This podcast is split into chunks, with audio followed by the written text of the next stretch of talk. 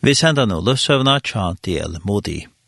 Svenning av lofti i romsett, her Jakobsen leser. Hetta er 8. og 9.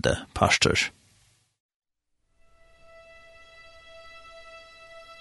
Heimskjente amerikanske pratikumæveren Dwight L. Moody var føtter nærende byen Boston og i staten Massachusetts og i 1836 og antaist i 1895.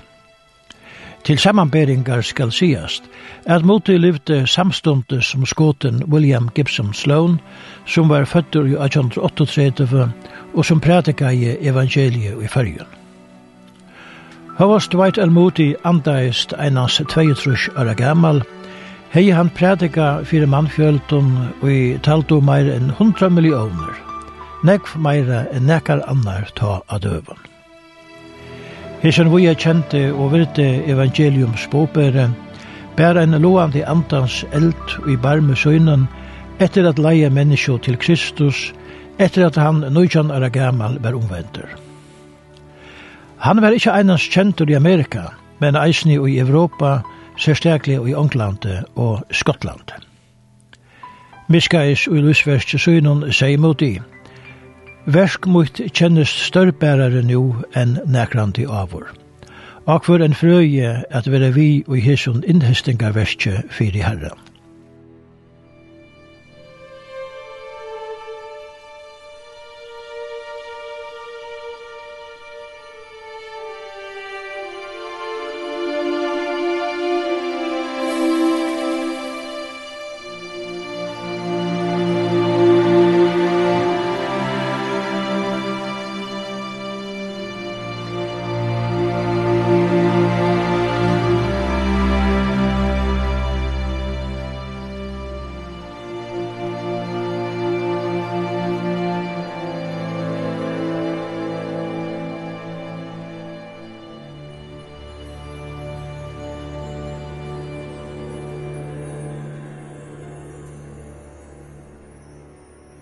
Og i parsten fra man undan var greit fra borgarastrøynen i Amerika og i 1830-åren, som førte del moti inn i andalige arbeid mellom sartar og dødjande hermen. Han gav dem traktater, bæ fyrirteimen, og lette flere til trykva Jesus åren tar antavast. Henda tænasta hei stor antutning fyrir han og i framtida verkje hans herra som evangelister. Åttande pastor. Sunnodagsskola arbeid. Ta i borgarstrøye mellom Norr og Soverstatenar og i Amerika enda i i 1835 for moti atur til Chicago at teka opp atur sundagsskolearbeid. Nu var han kjenter om alt landet fyrir verksutt mellom hermennene. Bønamøtene tja moti gjørdust ein sauningastavur til tryggvandet. Folk kom ur ætlun 18 til Chicago fyrir at kanna hans er arbeidshott og i sundagsskoleverskjene. Særstaklega Gustav Bertil, han kunde få sånne bøten a genka og i sundagsskola. At det var sundagsskola var ikkje nekka nøyt, men det var han hotter som måtte nøytte, og som eldte til så større framgångt. Og i sundagsskolan omkring landet får det til nøyta som mannagångt. Motti trøttaist onganti at finna nutjar hatter at nåa bøttene. Ta han for at bjóa bøttenen og i sundagsskola, hei han alt og i lommanar fotlar av bommon og øron gåvon. Våret hei byrja gengo i sundagsskola, er dutt han vel at få at hei at halda a at koma. Og om akkurst er bøttenen ikkje møtte opp ein sånne dag, så får han heima vitja bøttene. Og henda hatt vann han gjørst og terra. Måti fekk fleiri og fleiri høve at si øren fra gode røntun synen og i sundagsskolan. Og i staten Illinois her måtte boe, var staurer av fyrir sundagsskolearbeid i hansara. Han hei funder fyrir at greia fra arbeiden og i sundagsskolarna.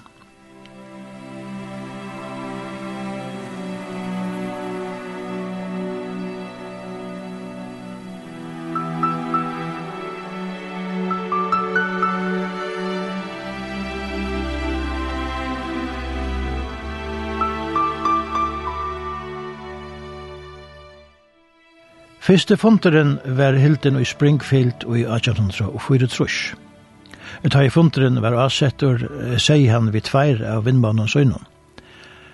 Led jeg kom færa til Springfield at tåsa vi atler prestar, prætokumenn og sankarar, og heva sérstug møte sunnedag og manadag, Fyrir at etja teir, så at hesen sundagsskólafondrin som vi skulle heva fyrir teimon mikutea, verur ein antalligur luftganarfonder. Teir foru a sted flutja det og komi til Springfield leier det. Beina vegin foru teir at leida her etter hulle at heva møti ui. Teir hildo, er best vær at heva møtini i ein baptistakyrkjo som la høglia fire. Der får innom kyrkjallere dittnar, og tann vegen opp i sjølvan kyrkjøselen. Tar enda av oppi Øroara paddelen, her måtte sette seg at lese og i store bøyblinne som la her. Åren tar for at bia saman. Og i medan var presteren kommet inn i kyrkjena, og tar jeg tar vår littnere bia, sier han, Velkomner, brøver, hver tid så er det. Fire reikjengar var nu der til å heve hese sérstøke møtene. Hetta samme sånne kveld kom mong til trygg tjøkken båskapen som måtte i bær fram. Mannadein var rettelig røringer i bøyen. Et høy sundagsskola lærarene kom saman, rent og tar seg i eina antallige vetsjeng som tar gledelige fagnav elden, og i her var kvaktur borutar vissar heimater.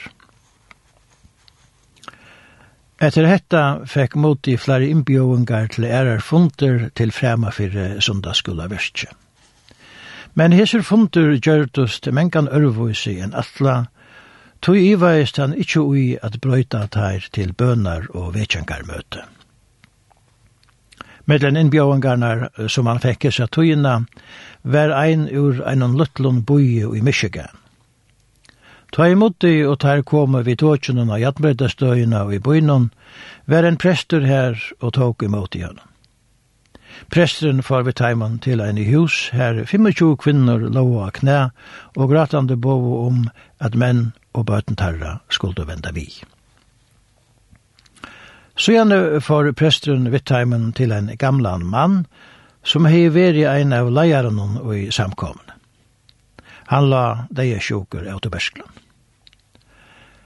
Av ungdomen som hadde haft sina daglige gong til samkomne var ønsken tarra omventur, og ønsken vetsing hei veri her og i mange år. Og søyne så sa sin gamle mævren at han hei viri en vannaligur herrans tænar. Han var så sjálfurferden at bia og får så gjerne til hinna leierarnar og i samkommende fyrir eisne at få teir at bia, men til fanøytis. Samme hente da han sendte på etter månen og i samkommen. Så gjerne be han kvinnenar koma at bia fyrir andaligare vitsing. Ter høyde nå bygge saman vi honom i fyrstan dager. Jeg tar imot i om kvölde for å tale kjentes det som fikk han årene etter i høyde. Følkje tøktes ikkje at jeg imot båskap i hansara. Men om et nåttar leit kom en dronker til papas søgn som var tryggvandig sier «Pape, du måst bia firmer». Men papen kunne til ikke bia. Ternåttena svev papen ikkje. På bønarmøten om dagen etter resti han seg opp og sier fra Hesun og bæ til bia fyrir seg.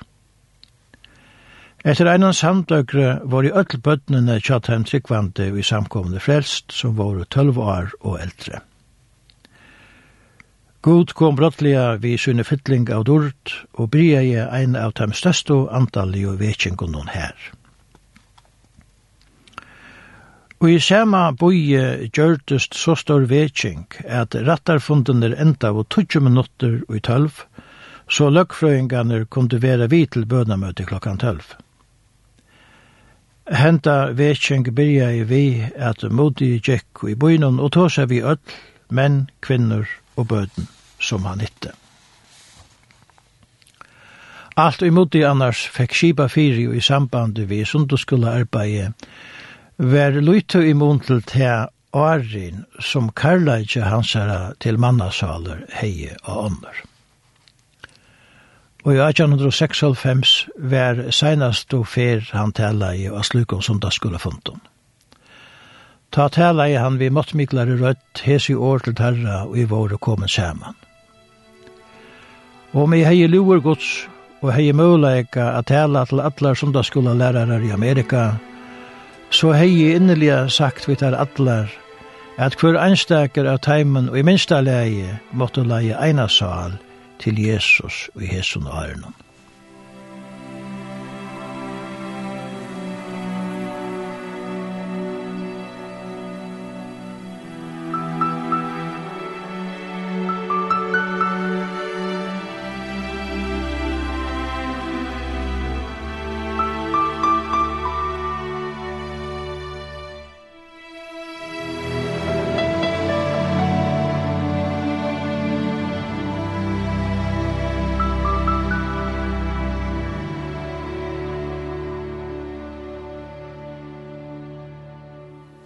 nudgjende pastor, evangelist virkje.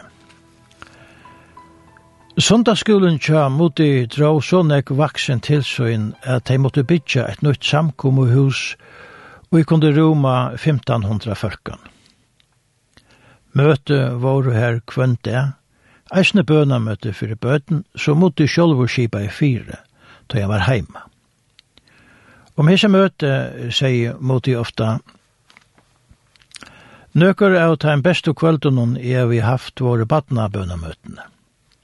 Som folk halde ikkje at så lytel bøten kunne være omvendt. Eisne sier som, som er at bøten som være omvendt gjerast ikkje stersk ut trunnene. Men dette er ikkje satt. Nøkker av bestu samverska folk om nøgnon var berføtter smadranger. Ein dødjante mamma bær mi anse etter lytla sonu søgnun som var så ytla fire av til at hun hei vært sjuk så lunch. Etter at hun var deg, så var vi den ikke atter. Jeg ber bøttene i sundagsskolen færre at leite etter henne. Nega etter fikk jeg at vita at han hei finnje arbeid av en hotell.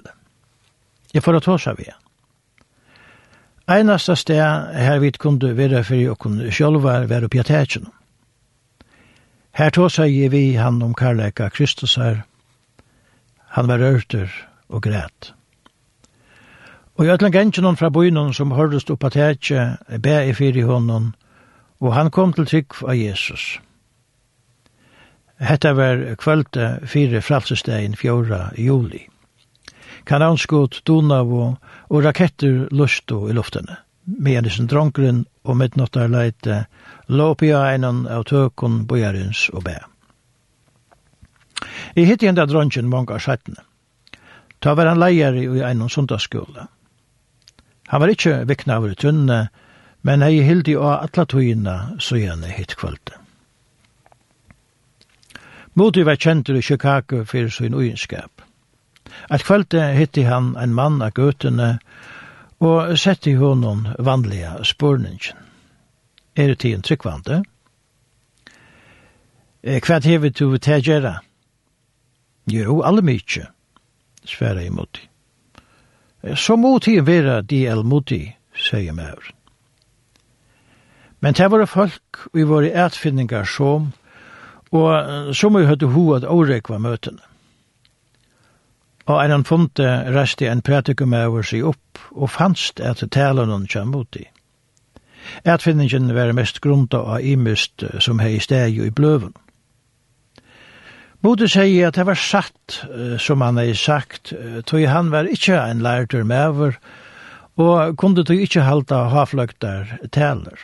Men han yngste at presteren befyr i honom så at talene ikkje honom kunde gjeras betre. Ein med vore platt i at koma til der daglig og bønaløtnar at årekva. Ein dagen stod mot i vi uthårna og tykker i hånden av teimen som høyde verja møte. Mævren som hei årekva rett i eisene mot i håndena. Mot i hukt i båan og sier, Ta Jesus kunde eta påskamaltøyna saman vi Judas i Iskariot, så kan jeg eisne teg i håndena tær.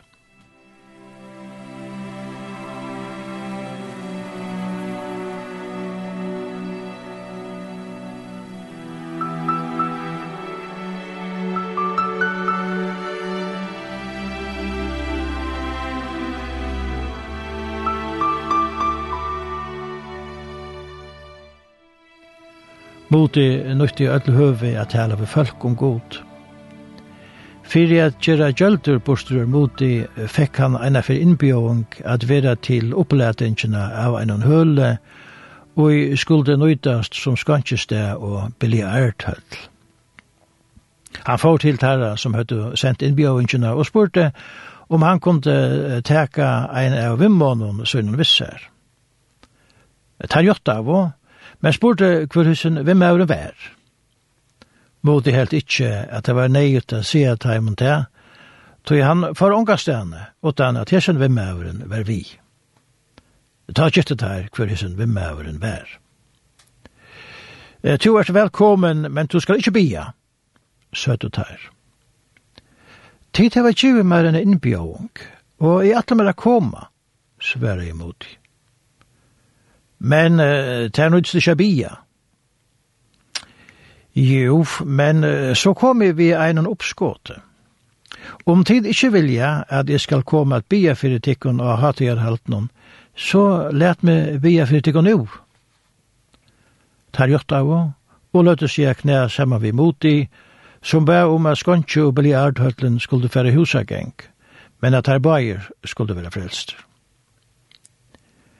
Vi kvørst for i vi bøtnun, og stå og sang som av vittheimen inni i skankestovun og bjóa i folk til møte.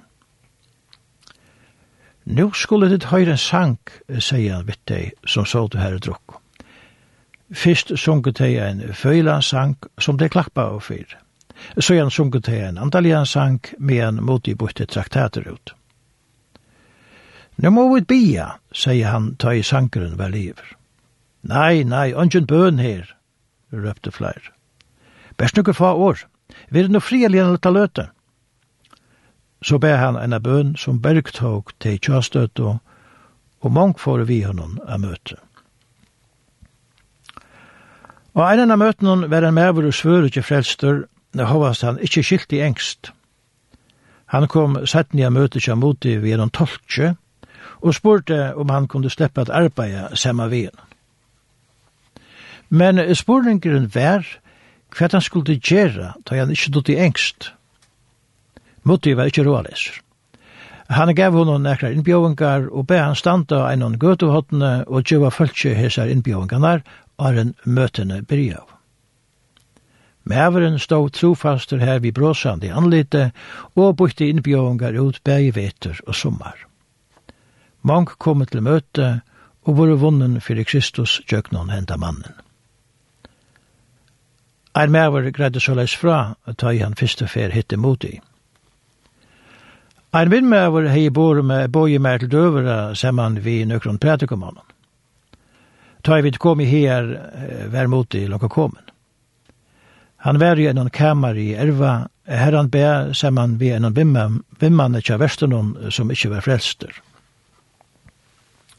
Etter at samveran var byrja, nevnte moti et skriftord og spurte ein av prædikomonen om han kunne se seg hvordan han skilte dette skriftord. Settene spurte han en annan prædikoman om et annet skriftord. Og henta hatt kom prate i at være om årgods, og hei hetta størst Arin og Knøtl. Stod etter vidtja i han i Chicago, og var en gongetur sammen vi honom og i fatakra om. Ikke tjekk langt tog, så får bøtten i Europa. Mot er her, komme, mot er her. Øtl bøttenen kjente og elska av han. Han er fullt av lommer av bomben som han gav dem. Vi vidtja og mongfatag og sjuk. Alla stene ber han gleivis seg. Han myntes nøvn av følse og spurte etter dem og ikke var det her.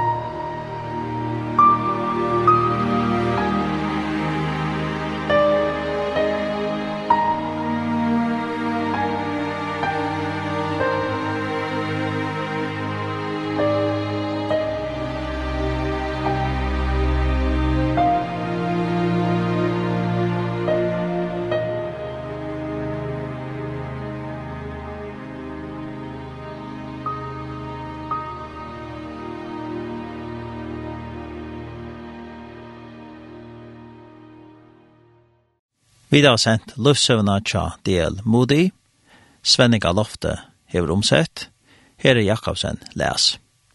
Hetta var 8. og 9. pastor. Hesen pastor og ære pastor kun høyrast av heimasine linden.fo.